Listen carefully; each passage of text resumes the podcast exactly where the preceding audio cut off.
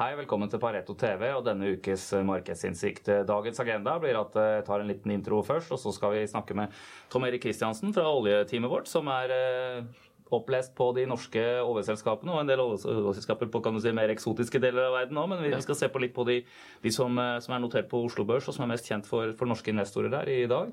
Og så da er jeg som vanlig en gjennomgang av, av markedstrender og indekser og en del av de temaene der eh, etterpå.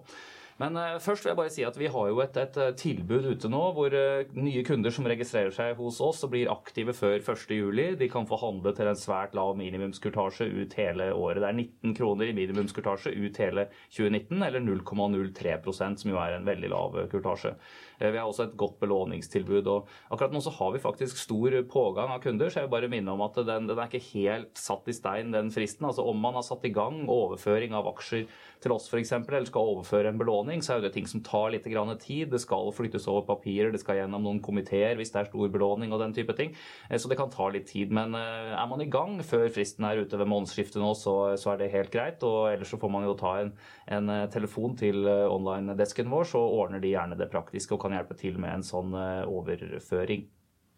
Så det får være dagens uh, reklame. Man må alltid ha litt av det også. Vi lever jo tross alt av, av å selge produkt her. Men uh, men eh, det er noen andre som lever av å selge produktet, og det er oljeselskapene. Ja. Eh, og eh, hvis vi spoler noen måneder tilbake, så var det et veldig stramt marked, og man hadde en, en bane på Man så for seg at man skulle kanskje jobbe i en verden hvor oljeprisen var sånn 70 til 80 ish når vi gikk mot slutten av, av året. Mens så har det jo vært svekkelse i makro internasjonalt, og børsene kom en del ned. Vi har fått en liten dipp, og nå, nå ser man kanskje på et sånn 60 til 70 ish, og det er der oljeprisen ligger nå. Han er 65 omtrent i, i snakkende stund. Og dette, dette, slår jo naturlig nok stort ut på oljeselskapene som, oljeselskapenes børskurser, og de har jo falt tilbake mye i år.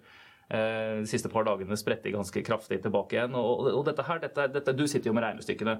Kan du ta oss litt gjennom liksom, denne sensitiviteten og hvordan det typisk eh, slår ut? Ja, det svinger jo en, del, selvfølgelig. Jeg tror et viktig poeng her å, få med er jo at eh, i kall det uh, det man kan oppleve som ganske mye negativitet rundt eh, oljepriser, rundt oljeselskapene siste tiden, fortsatt er jo et territorium selvfølgelig lavere enn Eh, når man var i en 70 pluss-verden, som du nevner, men eh, i et eh, oljeprisområde hvor oljeselskapene stort sett tjener veldig gode penger og har relativt høy lønnsomhet, så syns jeg det er et viktig poeng å få med her nå. Så de er jo relativt sett godt posisjonert og fortsetter jo å, nyte godt av lavere kostnader Eh, spesielt da, eh, fra serviceindustrien, som, som, jo ser ut til å vedvare en, en, stund lenger enn man kanskje frykta for et år eller to mm. siden også. Et typisk rent oljeselskap de selger jo, pumper opp og selger olje, og mye av det selges jo i bunn og grunn spot. Så ja. Det er litt ulik kontraktslengde på det, men, men det er mye altså den observerbare spotprisen som det er. og Da sier det seg har du et kostnadsgulv øh, som er på et gitt nivå, og så Eh,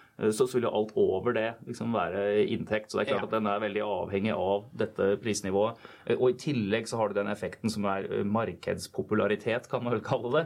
Som er i perioder med fallende oljepriser, så selges jo dette her gjerne ned med en ytterligere beta-faktor i forhold ja. til, til de reelle økonomiske utslagene. Åpenbart, det svinger jo. Og man har sett, og man så jo det også etter et veldig svakt Q4 selvfølgelig i fjor at mange aksjene kom mye tilbake i starten av året. Så man kommet ned, ned igjen nå, så det har jo vært, vært opp og ned. Men, men, jeg tror jo likevel, eh, og der har jo vi vært ganske frampå på f.eks. Aker BP, som et mm. Eh, høykvalitetsselskap med, med, veldig gode marginer, eh, med lav produksjonskostnad. og og svært lønnsom utbyggingsportefølje. Så, så, det er jo noe vi syns ser veldig attraktivt ut ja, på disse nivåene. For Du har vært ute en del med dette Aker BP-case og dratt det for oss og for kunder nå i det siste. Liksom, hvis, hvis, oljeprisen skulle blitt 60 da, herfra og inn i liksom, uh, evigheten, som er under der den er nå, da. men, uh, men hva, hvordan ville det, det, da se ut? Aker BP lever jo egentlig helt fint med det. Hvis du tar dagens portefølje, eh, så produserer jo de i overkant av 155 000 fat. og har en kostnad på det på rundt 12 dollar per fat, litt over det nå i år. Så de genererer jo uh, sterk kontantstrøm fra det, og har jo sånn som Sverdrup som kommer på da i andre halvår i år. Det blir jo veldig viktig for de. Ja, for Det er jo ikke noe som man på en måte lurer på. Den, den kommer den på. Kommer, den, eh, det er å skru på, når du skrur på krana der, så er det boff med den oljeproduksjonen. sant? Det er jo forventa i november nå, og så er det jo en del som snakker om at det kanskje kan komme litt før. Så det får vi jo se hva som realiseres. Men, men det kommer. og og Det tror jeg blir viktig for den aksjen også, hvis man ser litt sånn inn i andre halvår. Eh, investorene snur synet mot 2020 pluss fordi at du da får veldig høy lønnsomhet, egentlig fortsatt fra i dag, men fra en større produksjonsbase, som jo underbygger Eh, videre vekst i selskapet og eh, høye utbytter. Det er egentlig de to tingene som gjør at vi har eh, vært såpass positive som vi har vært til Aker BP. For De har en ganske stabil og fastsatt utbyttepolitikk, så her skal det gis tilbake av den løpende kontantstrømmen. Så vil en, del, en god del tilfalle investorene. Ja, de har jo en dividendegild allerede i dag på nesten 8 Eh, som vi syns er svært attraktivt. Og, og, den øker jo faktisk med den policyen de har lagt seg på. De skal betale ut 750 millioner dollar eh, til aksjonærene i år, og så skal det øke med 100 millioner dollar i året fram til 2023.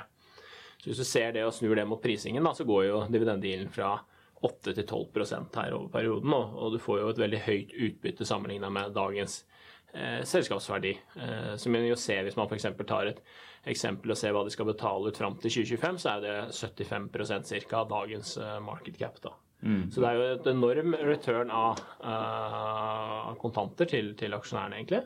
Samtidig som uh, selskapet fortsetter å vokse. De har jo som mål å, å tredoble produksjonen mm. over samme periode. Og det er jo litt av den kombinasjonen vi syns er spesielt attraktiv her. Da, at det er ikke bare gode utbytter, Eh, som man jo f.eks. også ser i en del av de utenlandske store europeiske mm. oljeselskapene, Shell, Total, BP. Eh, men også eh, stor vekst i produksjonen. Det er et interessant poeng. for hvis, hvis, man forenkler det hele til, til, tre biter, så har du en utbyttepolitikk som i bunn og grunn ligger ganske fast der, og som de har vist oppe, evnet å opprettholde i litt gode og dårlige tider. Og så har du en oljepris som er en ukjent faktor, men som man kan mm. måte, observere selv til enhver tid. Men det tredje biten er jo da liksom robustheten i produksjonsestimatene dine fremover. Hvordan de eh, utvikler seg. Kan du si litt om det? Ja, så du har jo Sverdrup som kom på. Det jeg føler jo usikkerheten er relativt lav der. Eh, det vet man jo er et ekstremt godt prosjekt, ekstremt godt reservoar. Mm. Eh, man har boret til å være et nytt felt veldig mange brønner allerede og gjort mye avgrensning. Så der føler jo risikoen er relativt lav. Så har jo Aker BP hatt en fantastisk historie på å skape ekstra aksjonærverdier de siste årene på, eh, gjennom operasjonen sin også, og mm. rett og slett produsere mer for eksisterende felter. Det har jo blitt veldig sånn fokus på M&A i denne historien her, men jeg føler jo at det andre legget som har skapt vel så mye verdi egentlig som disse gode dealene de har klart å gjøre, eh, har jo vært at de har klart å produsere og øke utvinningsgraden i mange av hubene. Alvheim er jo det viktigste og beste eksempelet. Eh, der har de jo nå, I fjor så produserte jo de da 80% mer fra det området enn det vi estimerte at de skulle gjøre når de kjøpte det i 2014.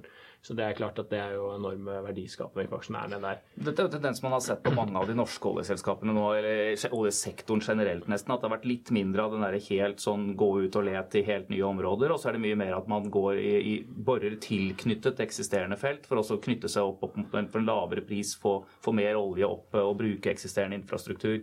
Ja, for Hvis du har en hub allerede, så er det jo ofte sånn at du har veldig mye fikskost på å holde det gående. Så det er klart at det ekstra fatet er det jo mye verdi. Og Det er jo en av de eh, større usikkerhetene i Aker BP hvis du tar i tillegg til oljepris framover. Det er jo at de har jo en veldig høy vekstambisjon. De skal jo tredoble produksjonen fram til 2025. Det er selskapets mål. Eh, det er med en eksisterende portefølje.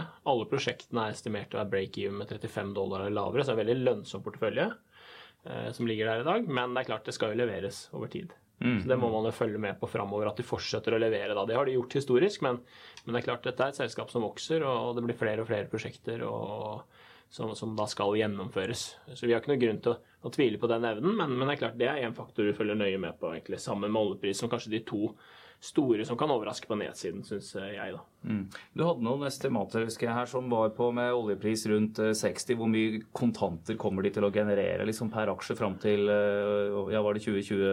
Ja, så med, med 2025, hvis du ser fram dit og liksom løfter blikket litt og, og, setter det, og det må jo ofte stilles da i perspektiv sammen med investeringsprogrammet og, og veksten de planlegger, mm. så er det jo sånn at du eh, kan opprettholde det utbyttet eh, som vi har snakka om på 60 dollar brent på våre estimater. Mens du da vokser. Så du er jo i en betydelig investeringsfase, egentlig. Du ja, ja, ja. vokser, og så betaler du også ut uh, mye utbytte. Uh, og det går fint på 60 dollar brent. Hvis du tenker en sånn oljeprisbane på 50 for å være litt mer konservativ, så kommer de til å øke gjelden fra 2020 til 2025. Uh, eh, men ikke sånn voldsomt. Da kan du se for deg egentlig, hvis du gjør det litt sånn enkelt, så eh, dobler du nesten nettogjelden, som vi skal sies at det er på et relativt lavt nivå i dag. Så mm. vi synes jo Det er jo en av grunnene til at vi liker Aker. For det er jo en solid til også, liksom. Ikke, ja, mm. Og helt riktig så må du jo se det i forhold til produksjonen, for da har du jo eh, forhåpentligvis tredoble produksjonen, så, så relativt til gjelden da heller er jo ikke noe eh, utfordrende. Og vi ser jo også at de selv nå de siste par ukene at kapitalmarkedet er jo åpne for de for å finansiere seg på en lav kost. Jeg har hørt noen investorer si det at ja, men disse de kommer jo til å mangle eller doble gjelden sin, liksom. Men jo, men det henger jo sammen med selvfølgelig at produksjonen ja. er noe helt annet. Hvis du ser på hvordan ting er historisk, så hadde du jo lavere gjeld, men da var det et annet selskap. Ja, det er jo riktig. Det, er, ikke sant? Så det har blitt mye større selskap. Men det er jo litt artig å se at de faktisk nå har ganske mye mindre i nettogjeld når de gikk ut av fjoråret, f.eks., eh, enn de hadde før de merga med BP-porteføljen. Så da du hadde mye mer Capex foran deg, mye mindre cashflow fra produksjonsbasen din, for det var jo det du fikk med BP-mergeren, mer produksjon, mm. så hadde du faktisk høyere nettogjeld, og, og Sverdrup var tre år unna. Eh, enn det er nå bare noen måneder, enn du har da i dag. Så det er jo litt av grunnen til at de valgte å ta opp utbytte. Det blei jo sett på som eh, aggressivt blant en del investorer. Mm. Eh, nettopp fordi at, eh, at de gjorde det allerede i år, og egentlig ikke venta at neste år, da, fordi at cashloven i år svekkes jo litt av at du Sverdrup selvfølgelig ikke er i produksjon ennå, og at det er store investeringer på Valhall. Så når investorer sitter her og ser på oljeprisen på skjermen sin, og de ser at den begynner å snu opp og man har lyst til å ha litt oljeselskapseksponering, da er det, det topp pick, som eh, det vil si, ja. er, er Aker BP. Vi har Ren, ganske rent spill egentlig på den oppsiden der. Vi har jo egentlig flere, men, men hvis du ser på i norsk sokkel og sånn, mm. som, som, er tema her, så, så, er det riktig. Da er det Aker BP som er uh, top nå. Hvis man tar eh, noen ord om Equinor avslutningsvis, da, de er jo selvfølgelig gamle Statoil altså her, eh, over mm. Eh, litt, litt, større fotavtrykk over hele verden. Men, men, det er jo også mye norsk sokkel, og de er jo også i Sverdrup-feltet. Men, mens Egentlig så har vel Equinor også blitt litt rammet kan man si, da, i, i år av, av, fallende gasspriser i Europa. For de har jo en mye større bit av sin produksjon som også da er gass. Ja. Gass er viktigere for Equinor enn det er for Aker BP. Helt klart Jeg tror litt på Equinor. Eh, hvis man starter på positive der, så er det jo eh, med Sverdrup som kom på, det blir veldig viktig for de også. Det driver jo oljeproduksjonen på norsk sokkel ganske betydelig opp for de. Eh, så de kommer til å levere en god Free free cashflow, de også, eh, når det kommer på. Så hvis man ser på altså 2020-2021-estimater og sammenligner litt med de andre store utenlandske selskapene, så ser man at det fort er en 10-15% oppside på free cash og yield prising, f.eks. Så det ser jo bra ut. Eh, men så har det jo vært utfordrende for de med gassmarkedet, spesielt i Europa, der de er en av de største produsentene. Eh, som har sett at gassprisene har jo eh, falt betydelig. Man er jo helt nede på sånn 10-15 års lav nå. Så kan man jo alltid spørre da, kan det bli så mye verre. Det kan jo alltid bli verre, men, men man begynner nok å nærme seg en bunn. Samtidig som man ser da forward-markedet priser jo at at dette her skal bedre seg. Men det er klart det er veldig mye gass i verden. Spesielt USA og Shale mm, mm. eh, produserer mye gass. Så, så, man har jo hatt eh, Og det har jo vært en del som har frykta det egentlig over lang tid. At eh, mye av den gassen må ende opp i Europa, og derfor blir det lave priser. Eh, og så har man jo ikke sett det skje, spesielt i fjor. Så var det jo mange som kjøpte Equinor, og, og gassmarkedet i Europa så ekstremt sterkt ut. Eh, men nå har det spilt seg litt mer ut i år, da, den tesen hvor det har kommet mye volum eh, fra utlandet. Den andre halvparten av dette her ser vi jo gjennom shipping og LNG og LPG og alle de der tingene ja. som, eh, som, eh, hvor det begynner å bli et større marked for oss å få dette her transportert fra en sone av verden til en annen eh, etter hvert. Og det er klart at da, da, skal man ha en naturlig effekt, at du også vil få litt prise, prise Det handler jo om uh, infrastruktur. Mye av det. Gassmarkedene har jo vært mye mer lokale tidligere. Mm. og blir mer et globalt marked, sånn som olje egentlig er. Det har vært rørledning, men nå blir det båt uh, i større grad, liksom. Rett og slett. Enkelt forklart, ja. Mm, mm, mm. Eh, da har vi hatt litt om Aker BP, vi har hatt litt om Equinor. Det dekker jo flere oljeselskaper. Vi får eh, kjøre litt eh, special cases i andre deler av verden etter hvert. Men, men du har kjøpsanbefaling på, på, begge, men vil trekke Aker BP fram som liksom den, den mest spennende kandidaten ved dagens prisnivå. Det syns, syns jeg absolutt nå at det er, er det mest spennende og, og topic, som nevnt. Analysene kan leses på våre nettsider. Jeg sier tusen takk til Tom Erik Kristiansen, og så skal jeg hoppe videre inn i markedet her får vi sette oss sentrert, eh, så jeg ser eh, chartene. Jeg kan jo begynne med oljeprisen, som vi ser på skjermen eh, her. Dette her er et femårs chart, så her er hver stolpe én ukes handel. Og på femårssikt sikt så får vi da med oss det fallet som var i, i 2014, hvor den hadde ligget stabil på det som vi akkurat ser her nå, egentlig. Eller stabil og stabil. Det var 105-115 eh, område, 110 ish, eh, som vi lå, og så fikk vi da den her enorme nedturen som jo er eh, akkurat som når du slår med slegge på ei kirkeklokke. Ikke at jeg har gjort det, men det kunne vært morsomt å prøve, selvfølgelig. Eh, det, det, det, er at det klinger en ganske god stund, og det er jo for så vidt det som, som klinger videre inn i olje- og ikke minst oil service-sektorene her sånn, gjennom ettervirkninger gjennom, gjennom sykelen. Fordi dette påvirker da ikke bare den direkte inntjeningen gjennom oljeprisen, men det påvirker alle letebudsjetter, det påvirker alle refinansieringer, det påvirker finansieringskostnad etc. etc. Eh, men det vi ser her Eh, nå er jo litt sånn som vi snakket om, at eh, det var en veldig Etter den dippen i, i fjor, hvor de oljeprisen halverte seg igjen Jeg tror det helte litt kaldt vann i årene på mange, i og med at det kom her etter kan du si, et par år med veldig stabil, økende prisbane fra det som vi ser her i, i egentlig inngangen til, til, 2016, og helt til inngangen til eller slutten av 2018, så var det jo en, en prisoppgang fra rundt 30 dollar fatet til, til å nå en topp på rundt 80-85 her sånn.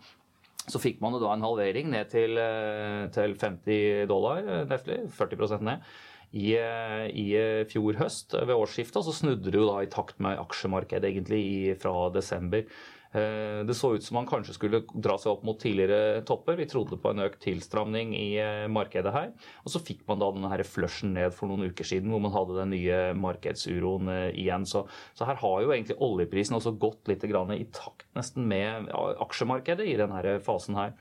Eh, og eh, Det er jo interessant også, også se da, at eh, om man kanskje ikke tror på en 70-80-ish-verden, men sier at man skal forholde seg til og jeg synes alltid jeg som trader er et godt utgangspunkt, forholde seg litt til de, de prisene vi, vi ser, så, så, har det nå tatt godt imot på 60. Det er jo et nivå vi ser historisk i chartene her eh, også. Om man er på optikk nå på 65, så er det økende interesse for, for energisektoren. og Det var en av vinnerne på, på SNP 500 i går. Så eh, la oss, eh, la oss hoppe til SNP 500. Skriver jeg nuller i stedet for eh, O, så er det lettere å få den opp også. Som satte ny all time high i går. Eh, her har vi jo et ukeschart på skjermen eh, akkurat nå. Eh, jeg kan ta utheve denne her litt. Dette er en ja, 40 ukers glidende gjennomsnitt. Tilsvarer jo da 200 dagers glidende gjennomsnitt, som jeg ofte nevner som en sånn trendindikator som er interessant å følge med på. Og for de som hører lydvarianten av dette her, vi slipper det både som video og som lydfil, podkast rett og slett, som man kan høre i podkastappen på iTunes eller, eller via Soundcloud så hadde man jo en, en betydelig topp og en, en, si, avslutning av den enkleste biten kan man si, av bullmarkedet. var den liksom bananformede oppgangen som man uh, fikk her uh, mot slutten av 2018. Så fikk man en korreksjon hvor det korrigerte ned til 200 dagers glidende gjennomsnitt. Man kom nesten opp til samme topp, man var ned og toucha 200 dagers glidende snitt igjen, før man satte en ny topp i juni-juli 2018. Uh, og det er den toppen som ble nådd i, igjen her i eh, november, var det vel. Før det Eller ja, vi er faktisk i mars 2019 eh, her. Rett før det nå eh, kom en markedsuro igjen. Og så har vi da tatt en ny test av 200 dagers glidende snitt og ny topp opp her i går. Eh, og dette er jo et marked som, eh, som jeg ser forbauser en del, inkludert meg selv for så vidt. Eh, jeg har ingen problemer med å ta de gode argumentene fra makroøkonomer og andre strateger i andre meglerhus og internasjonalt nyhetsopplesere etc., etc., som jo selvfølgelig henger seg opp i og fokuserer på at, at den makroøkonomiske utviklingen er svak. Og Det ser vi jo også at selvfølgelig sentralbankene fokuserer eh, på. Det har vært rentemøter denne uka her sånn. Norges Bank heva litt, eh, men det ligger fortsatt under i rente under den amerikanske sentralbanken, som da ikke hevet, og som hadde en, en mer duete, som man liker å kalle det på makroøkonomspråket, en, en, eh, en retorikk som åpner for at den neste endringen av renten i USA kanskje blir nedover.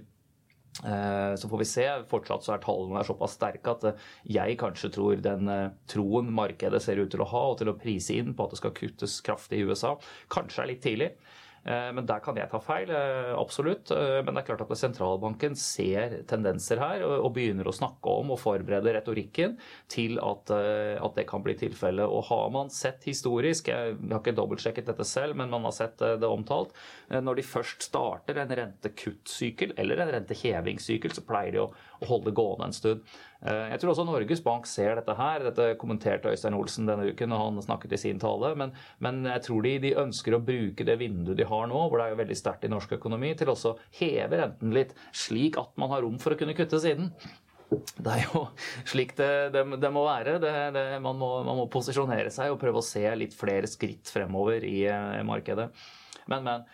Eh, effekten inn mot aksjemarkedet her da, er at når du har en, eh, en pengepolitikk som er stimulerende, og altså du, du, du, får effekten Du får effekten, ja, det er dårligere makro på noen områder, men så har du da reaksjonen fra sentralbankene, som da er stimulerende. Så kan den være kraftigere i markedet Eh, enn en den første effekten gjennom svekkede makro. Det ene svekker jo typisk salg til en del bedrifter. altså Salgsveksten blir noe lavere, eh, men finansieringskostnaden kan slå ut eh, kraftigere.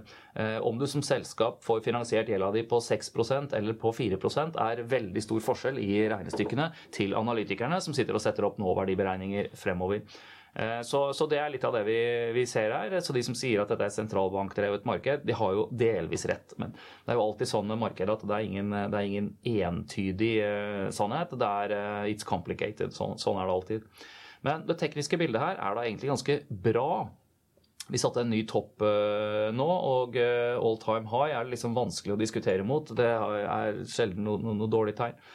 Nå hoppet jeg på skjermen her bort til også å gå fra det lange chartet, eh, som da egentlig ja, ett et poeng til skal jeg ta med her, faktisk. Hvis vi ser tilbake til den perioden som man hadde fra 15 til uh, inn i 16, så ser man jo der et, et, et, et flatt til svakt nedadhellende 200 dagers glidende snitt. 200 dagers glidende snitt er røftlig et år. Det er, det er, litt kortere enn et år, men, uh, men et års uh, glidende gjennomsnitt på prisene. Og Hvorfor var det litt nedadhellende? Hvorfor handlet børsen litt under 200 eh, dagers eh, på SMP 500 her gjennom den perioden?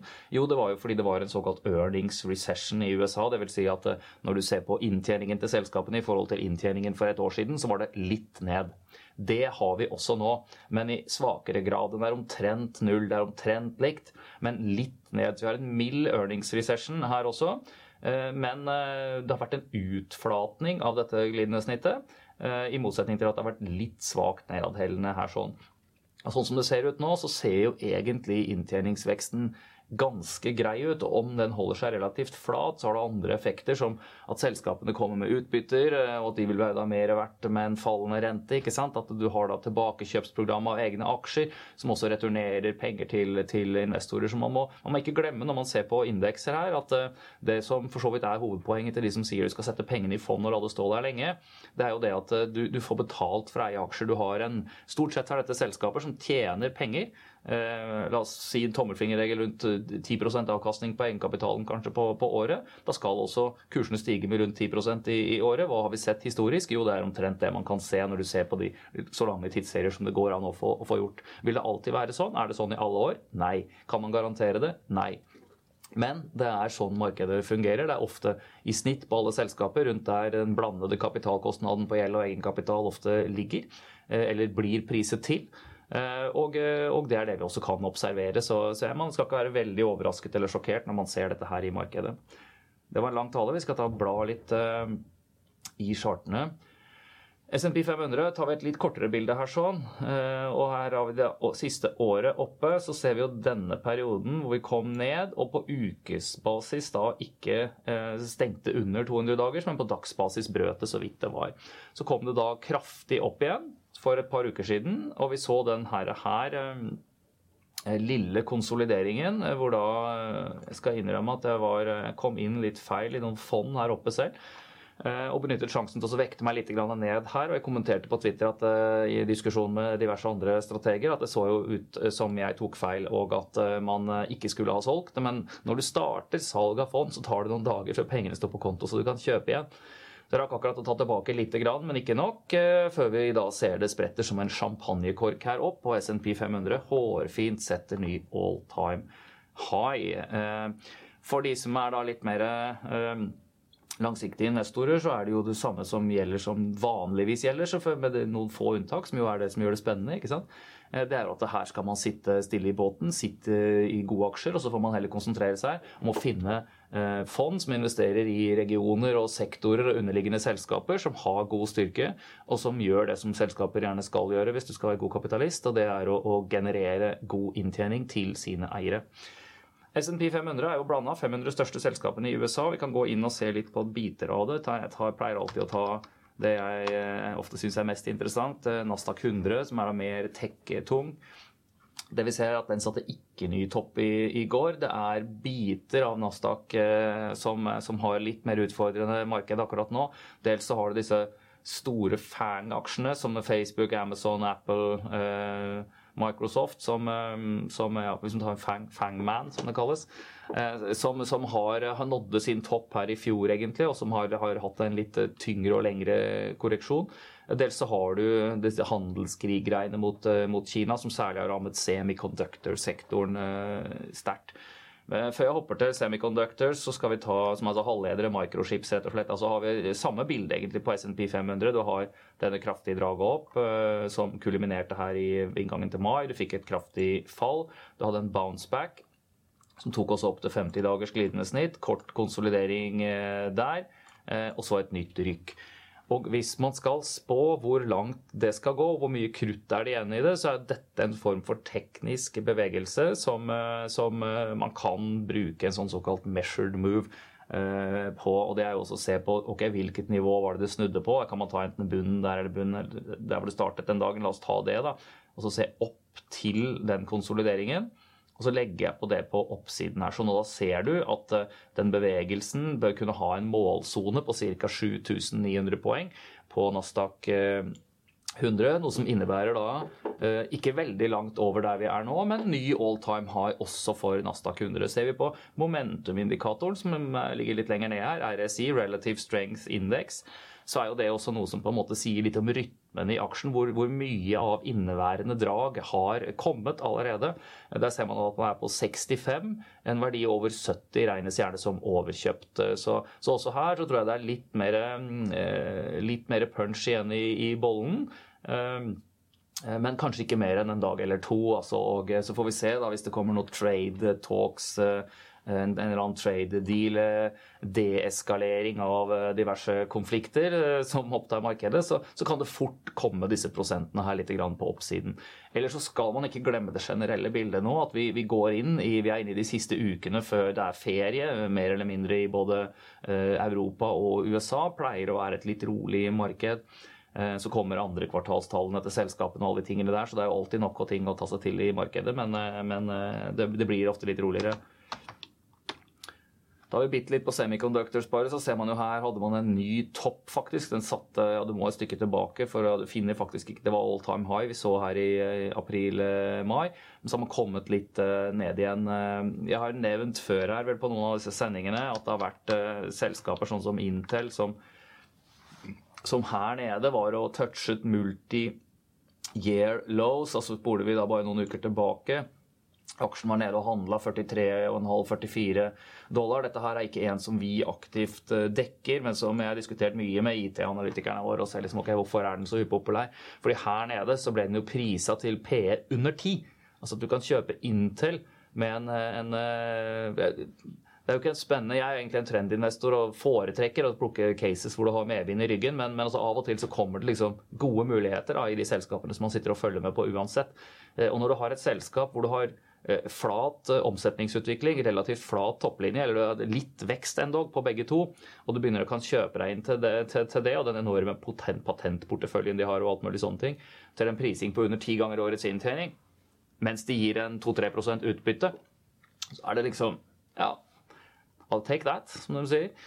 Så, og Der så vi også at det snudde noe sånn voldsom bounce, og at dette her skal være noe enormt uh, opp. Det tror jeg ikke, men man har fått sine 10% her sånn. Men man ser, vi ligger langt under forrige topp, og det er da ikke noe sånn enormt uh, drag der. Uh, kan du ta noen av de aksjene som jo har en mye høyere topp lenger bak oss, sånn som Nvidia f.eks., som er mer grafikkort og, og mye innenfor for mer avanserte chipper. Brukt mye til kryptomining og den type ting.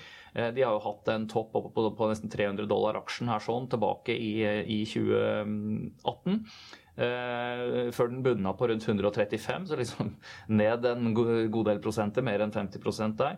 Uh, og så har vi hatt et par bunner her sånn på rundt 130-35, og så er den litt på optikk igjen. Men det er ikke noe momentum i den heller. Så vi ser altså dette er jo en av de litt indekstunge bitene av tech som da eh, drar litt ned. Vi kan ta et par av de svære selskapene her også. Apple ser vi er, eh, hadde toppen sin her i fjor, eh, men har eh, en bunn i, i, januar i år. Men har kommet en bra opp fra den bunnen, men, men ikke på noe Er mer i en slags trading range her. Det som vel er dagens det største selskapet per nå i verden, og som satte all time high i går, er jo Microsoft. Eh, og Det er jo en imponerende chart eh, her, sånn, og det er en imponerende forretningsmodell de har, med en bredde eh, i en veldig mange segmenter, og hvor det er skytjenester som jo er det nye store for en del av disse selskapene her. Jeg skal ikke gå noe mer inn i det, men som sagt, det er en del interessante ting i USA. Jeg skal forresten ta en jeg ikke pleier å dra fram mye her, men som er blant de chartene som, som jeg har vært Jeg har en liste her, jeg ser jo gjennom masse charts hver eneste dag. Eh, og eh, det er et par som har er interessante. Eh, hvor man ser egentlig ganske sterk utvikling. Vi skulle ikke tro det når det er Man snakker om smak, svak makro, litt fallende boligmarked liksom i USA.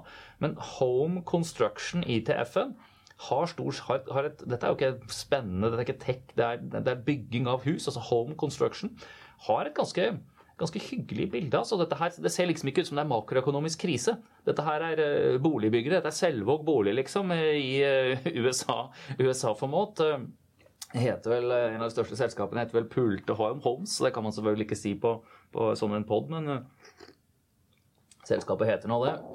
Veldig mye morsomt man kan lage av de overskrifter av det. Det gjør jo Hegnar av og til, og det, det er bra. Men uh, uansett, den ser ganske bra ut. Da skal vi se om jeg har her også Du har Consumer Staples. Stabile konsumaksjer à la Orkla, kan du si. Ny all time high i går. Veldig uh, sterkt. Consumer discretionary, mer sånn vaskemaskiner og den type ting.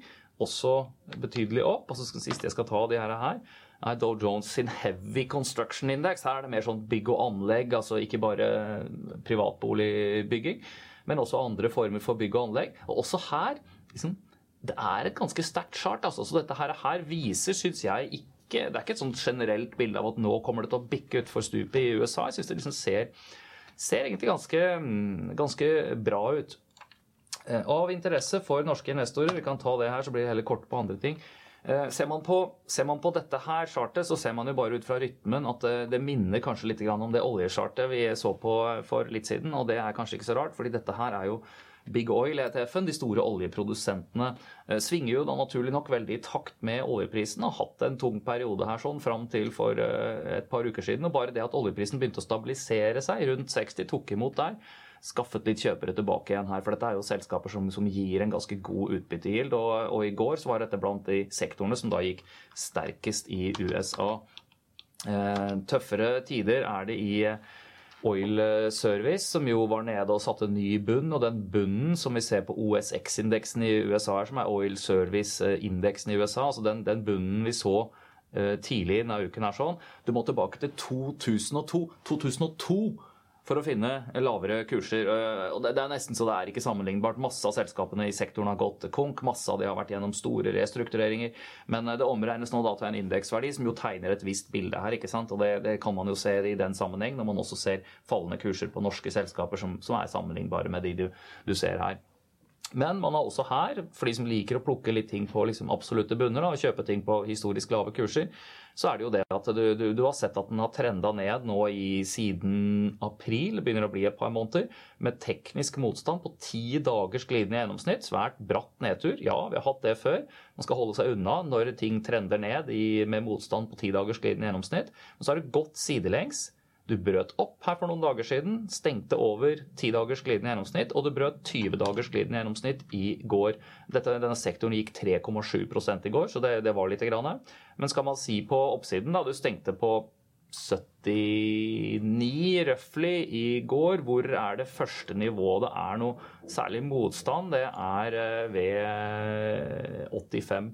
Så man ser jo her at det bare, bare en fortsettelse av et sånt rally som eventuelt tar oss opp til test av mer tyngre teknisk motstand på oppsiden, ved kanskje, kanskje 50 dagers glidende snitt. Du har en del prosenter igjen bare på, på, det. Så det er jo det morsomme med sånt som dette her, at når det liksom først snur, så så går det litt. Men, men, det her er altså en annen type spill. Dette er for de som er kan du si, spekulanter, som ikke, ikke, ikke investerer med en klar opptrend i ryggen, men som tar det der nå skal det sprette litt uh, bettet i markedet. Uh, ikke noe galt i det. Uh, man må bare vite hvilke bett man tar, sånn at man ikke går inn og, og, og uten å ha stopplås-strategier og kunne snu seg ganske raskt hvis man merker at her er det ikke ikke hold i det. Det er jo som hvis du går i fjellet og så ser du på kartet at du skal, du skal, gå direkte mot den fjelltoppen der, og ja, det skal du, men på veien så krysser du ei myr. Det kan godt hende at den på en fin sommerdag er tørr og fin, og du kan gå over den, men kjenner du at grunnen begynner å gi etter under deg, så gå rundt. Det er, eh, det er mitt råd på det. Deutsche Aksjeindeks ser jo her ganske bra ut. Eh, den hadde en eh, mild korreksjon. Vi ser på chartet på den siste året her nå, ned til 100 og 200 dagers glidende gjennomsnitt. Samme som SMP 500 hadde, ikke sant? hvis vi spoler litt tilbake på det chartet der. Da var det jo et lite brudd på 200 dagers glidende snitt og 100 dagers på SMP 500, mens Dagsen faktisk klarte seg ganske godt her. Men eh, så skal også det sies at den prosentvise stigningen Man blir jo litt lurt når man ser på sånne charts, fordi de har de har en akse her sånn, ikke sant, som tilpasser seg prisene. Eh, det har vært litt mindre prosentvis oppgang, eh, dog ikke veldig mye mindre, i den perioden vi hadde fra desember og til toppen i april eh, her. Men også her spredt opp, bryter den fallende tendensen. Du gikk inn i en liten konsolidering, bullish flag som det kalles, den siste uken her sånn, og så spretter det opp igjen på oppsiden. og Tar vi en tilsvarende eksersis som vi gjorde på SMP 500, så ser vi at en, en, en liten retest, kanskje litt forbi de foregående toppene er sånn 12 500 ish, rett på oppsiden av der vi er nå. Eh, det er kanskje første target i hvert fall, som er veldig tatt ut fra sånne rent tekniske modeller. Så også der. Vi har kommet et stykke i bevegelsen. RSI igjen 62. Når den er over 70, så er det overkjøpt. Vi er ikke der helt ennå. Jeg tror det er litt mer å gå på her. Men eh, å bevares det kan gå mye lenger. Eh, men jeg pleier å prøve å konsentrere meg om å se i hvert fall ut fra disse tekniske modellene ett rykk om gangen. Eh, og vi har kommet et stykke der nå. Så det er jo når man ser denne her form for sånne små sidelengskonsolideringer at man kan ta posisjoner med en, med en tight stopp eh, under, og så er man posisjonert når, når rykket kommer. Det er alltid rettere å se det i ettertid. Eh, I Sverige i dag så er det jo stengt, eh, fordi der går de rundt maistangen, mai-stangen, som det heter. Altså midtsommerfeiring, rett og slett. Men tar vi fram gårsdagens kurs, her, sånn, så ser vi jo mye det som ligner på, på det vi så i, i, i Tyskland. Det dere som kunder der ute ikke må glemme, er jo at vi har analyse. Vi har et svært team i Stockholm. Vi er nesten like mange ansatte på megling på bonds og aksjer der nå som, som i Oslo, og, eh, og, og dekker et veldig bredt eh, spekter av selskaper. Eh, så her har man jo muligheten. Man kan gå inn på våre nettsider og lese analysene på alle de der. I går ble det eksempelvis publisert en, en ny sektorrapport på Industrials, som er da jo en sektor som nesten ikke fins i Norge. ikke sant? At du har disse større industriselskapene som, som leverer industriprodukter, ikke, ikke, råvarer. Altså tenker jeg på råvarer som, som både Hydro og Vi hadde Elkem på besøk her i dag. Det er jo lignende selskaper, kvalitetsselskaper, men som mer leverer varer inn til disse selskapene som igjen lager industriprodukter av det. ikke sant? Og Den industrial-sektoren den er stor i, i Stockholm, har lange historikk, lange røtter. Det kan man se litt på, på, der. Så jeg anbefaler å gå inn og lese den rapporten. 59 sider, eh, tilgjengelig på vår kundeweb. Men også her, oppside. Uh, har ikke tatt ut forrige topp. Pleier å være bra momentum i denne her, sånn, men vi har kommet et stykke i, i inneværende bevegelse også. Ser man fra 1500 poeng, så er vi nå på 1630. Kommet et, et stykke. Hjemlig børs til slutt. Og her ser man, når jeg får opp OSE BX på, på skjermen her, så ser man jo at vi har en en litt kjedelig utvikling. Jeg er nesten ikke opp noen ting i dag heller. Selv om det satte ny all time high i USA i går, så er dette stille og rolig marked. Eh, børsen er opp 0,2. Eh, vi ligger og gnager akkurat på 200 dagers glidende gjennomsnitt, og det 200 dagers snittet er flatt. Så her har man en, eh, en trading range, som jeg vel omtalte litt forrige uke. Du har disse toppene som ligger på rundt 890-895 poeng. Og så har man dette nivået på nedsiden som ser ut til foreløpig å legge et gulv som er sånn 850 til 860-ish. Eh, og hvor er vi nå? Vi er midt i den rangen. Så på indeksnivå er sånn, så er ikke Oslo Børs eh, eh, noe annet enn i egentlig nesten litt sånn sommer- og ventemodus. Stabler oljeprisen beina under seg her, sånn, sånn som vi for så vidt har sett tegn til så vil vi nok eh, i løpet av kanskje ikke altfor lang tid skal teste øvre del av dette båndet her igjen. Men ellers så tror jeg egentlig at, at en videre utvikling mellom 850, eh, 855 og 890, eh, 895 på oppsiden her sånn, er, er liksom der vi, vi skal befinne oss inntil vi da får en impuls som gjør at den rangen brytes. Og med det så tror jeg nesten jeg skal si takk for nå i dag. Eh, husk eh, som sagt eh, der ute at vi har et spesielt godt tilbud akkurat nå. Det gjelder både for Tilbudet gjelder aksjehandel, så her får man jo tilgang til liksom Eh, du får tilgang til handel ut året for 19 kroner, eh, minimum i kurtasje. 0,03 i kurtasje ellers. Nye kunder får tre måneders eh, gratis prøve på Webtrader. Det er et program som du kan handle i en litt enklere versjon enn det jeg bruker på skjermen. her sånn, Hvor du kan handle i 14 markeder all over the world. Og, og, og i tillegg så har du en mobilapp da, med mye av den samme funksjonaliteten tilgjengelig. Vi driver og, og da tilgang til alle våre analyser. Så, så, det er mye snacks i det der, der. I tillegg så har jo vi muligheten til å kunne ta inn eh, ferdig belånte porteføljer. Vi har muligheten til å gi ny belåning, man kan flytte over kontanter til oss. Det er selvfølgelig alltid det som går raskest. Eh, men man kan også flytte over eh, porteføljer av aksjer og fond. Man kan flytte over belånte porteføljer.